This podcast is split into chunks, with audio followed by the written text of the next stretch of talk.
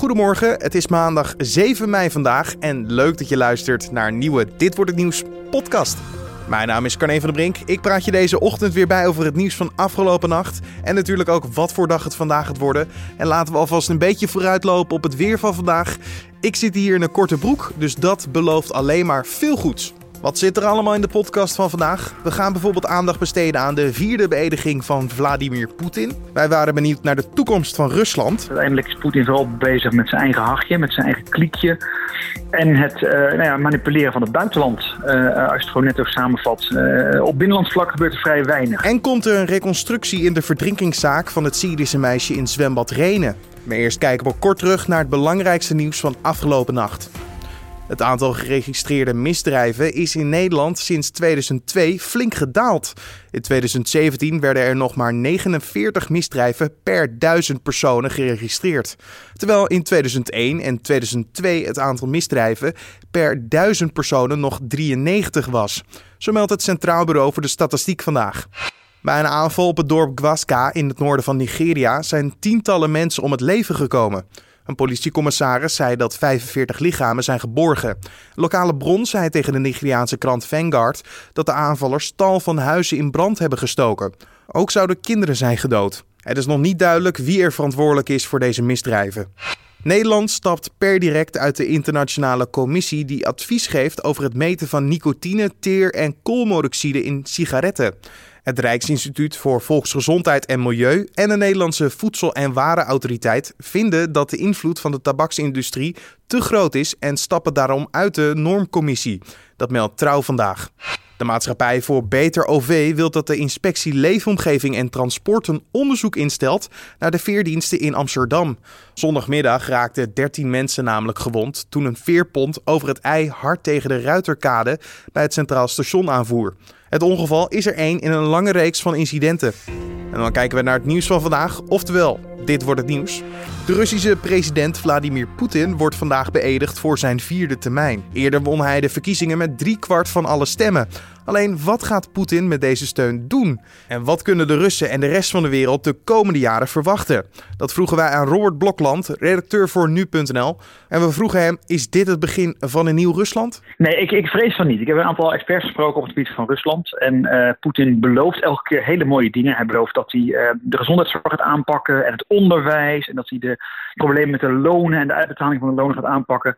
Maar die belofte deed hij de vorige keer ook. En uiteindelijk komt daar niet zoveel van terecht. Uiteindelijk is Poetin vooral bezig met zijn eigen hachje, met zijn eigen kliekje. En het uh, nou ja, manipuleren van het buitenland. Uh, als je het gewoon net ook samenvat. Uh, op binnenlands vlak gebeurt er vrij weinig. Daar is geen geld voor, daar is geen energie voor, geen tijd voor. Um, ja, Rusland is opgebouwd uit, uit, uit, een aantal machtsfactoren. de, de kliek rond Poetin, zeg maar, de overheid. die bestaat uit allerlei oligarchen en allerlei mannetjes die zich hebben opgewerkt binnen het Kremlin.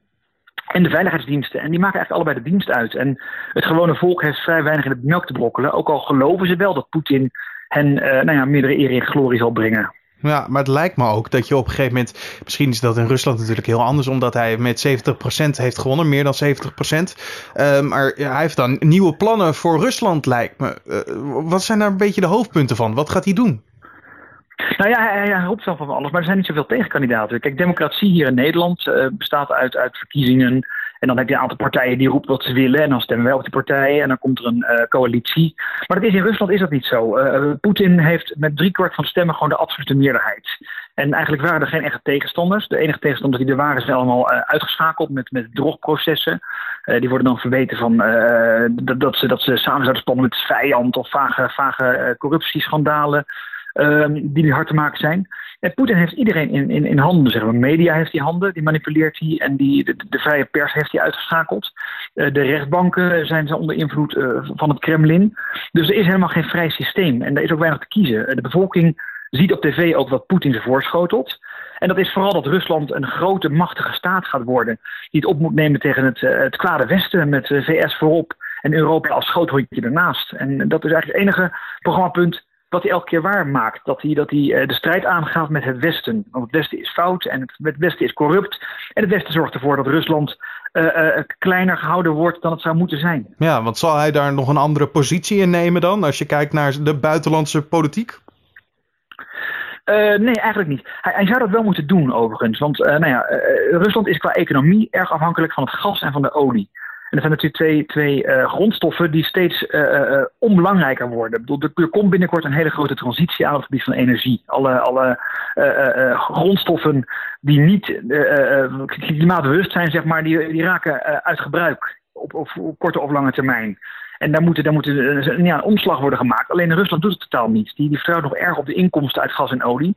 En voor die inkomsten uit gas en olie hebben ze ook samenwerking met het buitenland nodig. Want wij nemen het af, als Nederland ook. Hebben heel veel gas en olie uit, uit Rusland. Um, alleen tegelijkertijd probeert Poetin uh, het Westen uit elkaar te spelen. Door, door nou ja, bijvoorbeeld uh, de, de, de, trollen en de hacks. Door, door een soort, soort tweespal te organiseren, ook in Amerika. Um, hij, hij flirt erg met, met de radicale kracht in Europa. Dus uh, op rechts- en links radicale groepen. daar flirt hij heel erg mee en die steunt hij. Geert Wilders is natuurlijk laatst langs geweest in Rusland. En die zegt dat Poetin best oké is. Um, en op die manier probeert hij Europa een beetje uit elkaar te drijven, omdat Europa namelijk een machtsfactor is die Rusland klein kan houden. Als Europa uh, samenspant en, uh, de, de, de, de, handen ineens slaat, dan blijft Rusland kleiner en minder machtig. Als Europa uh, gespleten wordt qua meningen en qua visie, dan kan Rusland groter worden en meer invloed gaan uitoefenen op de, op de satellietstaten die ze hebben. Ja, en wat je zei net ook, inderdaad, daar heeft ook weer de verslechtering van de persvrijheid in Rusland zelf mee te maken. Amnesty International heeft er al over gewaarschuwd dat het echt de verkeerde kant op gaat. Uh, bijvoorbeeld met, met de televisiekanalen waar je alles te zien krijgt. Uh, ja, hoe zal het nog verbeteren, denk jij? Nou, dat is absoluut geen prioriteit. Er zijn natuurlijk een paar landen uh, waar, dat, waar dat ook het geval is. In Turkije ook bijvoorbeeld. Erdogan heeft zo'n machtspositie dat we ja, in het Westen wel kunnen roepen dat het heel slecht is en dat hij dat allemaal niet mag doen en dat hij de vrije pers niet mag beteugelen. Maar uiteindelijk is er niemand die er iets aan kan doen binnen dat land. Dus, dus de meeste Russen kijken alleen Kremlin-tv. En daar wordt elke keer dat verhaal herhaald dat Rusland een grootmacht moet worden en dat de VS en Europa dat voorkomen. En de Russen hebben een nou ja, enorm trauma van de Sovjet-Unie die uit elkaar gevallen is. In de jaren negentig hebben ze het heel zwaar gehad. Er was eigenlijk weinig, uh, was weinig eten, was weinig geld, er was heel veel, heel veel armoede. En Poetin heeft er wel voor gezorgd dat het volk gewoon een bepaalde uh, standaard van leven heeft. Er valt heel veel te klagen, maar hij heeft wel ervoor gezorgd dat iedereen weer eten had. Dat soort simpele basisbehoeften waren er niet in de jaren negentig. Dus daarom ziet Poetin nog steeds als een soort grote man die al zijn beloftes waar kan maken. Ja, samenvattend, vandaag dus prachtig voor het plaatje qua hoe hij zich daar weer op het podium hijst. Uh, maar er gaat niks veranderen.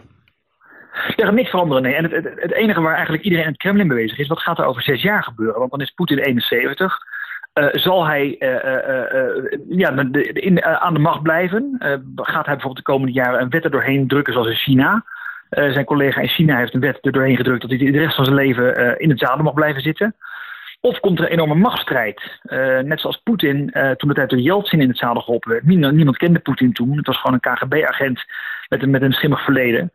Dus, dus, iedereen in het Kremlin is nu bezig wat gaat er gebeuren na Poetin over zes jaar. En niemand is bezig met hoe gaan we de bevolking een beter leven geven. Want echt fijn is het in Rusland momenteel niet op heel veel fronten. Dus het is eigenlijk heel sneu en dit zal absoluut niet gaan veranderen de komende zes jaar. Je hoorde Robert Blokland over de beëdiging van Vladimir Poetin. We gaan het hebben over een triest ongeval uit 2015. Een negenjarig meisje uit Syrië overleden toen tijdens het schoolzwemmen.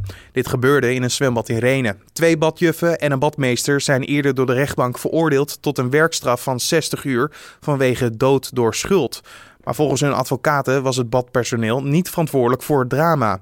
Daarom hebben zij in hoger beroep naar een reconstructie gevraagd. Het Hof zal daar vandaag een besluit over nemen. Wij vroegen aan de rechtbankverslaggever van nu.nl, Joris Peters, waarom ze een reconstructie hebben aangevraagd. Nou ja, de verdediging, de advocaat van de, van de, van de zwemleraar zegt dat er ook nog een, een ander scenario heel goed mogelijk is. En dit is namelijk dat het meisje na het vrij zwemmen is gaan douchen en toen nog alsnog weer teruggaan naar het zwembad. Je kan blijkbaar vanaf de douches in het zwembad in Renen weer onopgemerkt teruggaan naar het zwembad. Uh, de verdediging zegt het, het personeel van het zwembad was op dat moment aan het schoonmaken, kon het dus niet meer zien. En toen is het meisje in het water uh, weer, gaan zwemmen of gevallen, dat weten we niet. En zou ze toen zijn verdronken.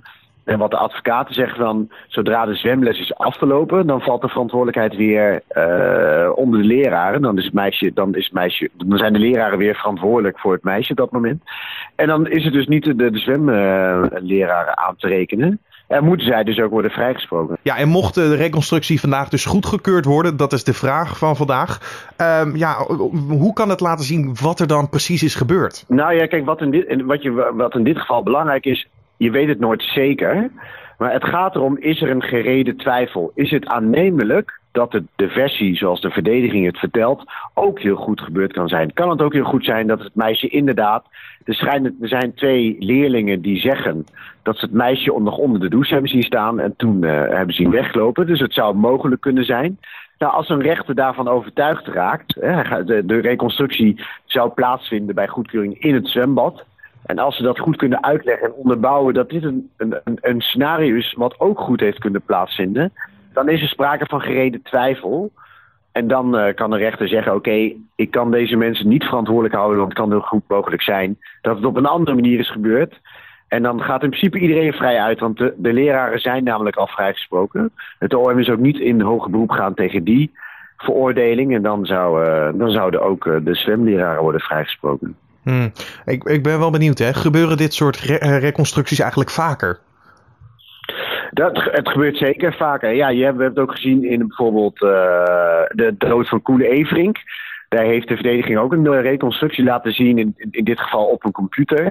Uh, dat was een animatiereconstructie uh, en daarop liet zij zien dat het goed mogelijk zou zijn dat het slachtoffer, in dit geval Koen Everink, uh, ook door twee mensen had uh, doodgestoken had kunnen worden. Dat past in de lijn van de verdachte. Ja, in ieder veroordeeld. Hij is weer een hoger beroep, Mark de J. Dus dat gebeurt zeker vaak. Statie de buurt hebben we het ook gezien. Dat er ook een, uh, een reconstructie is toegepast. Dus het is geen ongebruikelijk scenario. Je moet, waar, de, waar, de, waar de rechter zich natuurlijk over gaat buigen, is dat, dat, dan duurt de zaak weer langer. Hè? Dan, en het duurt al zo lang. Het is voor alle partijen verschrikkelijk misschien dat hij dat eens in de overweging meeneemt. Maar uh, het gebeurt zeker vaker. Ja, afsluitend. Want hoe, hoe ziet zo'n reconstructie er dan uit? Uh, zijn de verdachten erbij? Wordt het helemaal nagespeeld? Nou ja, dat, dat is een beetje moeilijk te zeggen. Dat is een beetje aan het gerechtshof. De verdachten kunnen er eventueel bij zijn. Maar dat is aan het gerechtshof uh, om dat te bepalen. Um, maar het gaat er vooral om dat, dat experts dan uitleggen. Maar dat vooral dat de rechter ziet met zijn eigen ogen hoe de situatie is in het zwembad. En of het goed kan zijn dat een klein kind vanuit de douches ongemerkt weer terug naar het zwembad kan gaan. Zou dat kunnen? Uh, nou ja, dat soort dingen. Daar kun je een beeld van vormen. En dat is wat er gebeurt uh, tijdens de reconstructie. Je de rechtbankverslaggever Joris Peters. En de uitslag van het Hof zal je vandaag lezen op nu.nl. En dit gebeurt er verder vandaag nog. Staatsbosbeheer, de beheerder van natuurgebied de Oostvaardersplassen, komt met definitieve cijfers over het aantal overleden dieren in het natuurpark in de afgelopen periode. Volgens de laatste cijfers stierven er bijna 3000 dieren, maar de sterfcijfers van de maand april zijn erin nog niet meegenomen. En dan kijken we waar onze collega's vandaag over schrijven. De Koninklijke Luchtmacht kampt met personeelstekorten en een gebrek aan materieel. Dat meldt de Telegraaf op basis van interne overzichten van Defensie. De krant liet ook een analyse uitvoeren door de gezamenlijke officierenvereniging. En wat blijkt, geen één van de drie brigades die de luchtmacht telt is volledig gevuld en opgeleid. Politieagenten maken zich zorgen over hun privacy omdat hun kleding nog steeds wordt thuisbezorgd door pakketdienst Micropakket. Dat schrijft de Volkskrant vandaag. Tot 1 juli loopt er een proef waarbij de 130.000 uniformen thuis worden afgeleverd. Bezorgers weten daardoor waar agenten wonen en deze gegevens zijn bekend bij de commerciële pakketdienst. Er zijn meerdere klachten binnengekomen op het landelijke intranet van de politie. En dan nog even het weer. Vandaag zal het weer een prachtige zonnige dag worden. Vrijwel overal zal de temperatuur stijgen naar zomerse waarden. Het wordt maximaal 27 graden bij een matige wind uit het oosten. Dus een flesje zonnebrandcrème in je tas of bij je in de buurt is zeker geen overbodige luxe. En dan nog dit.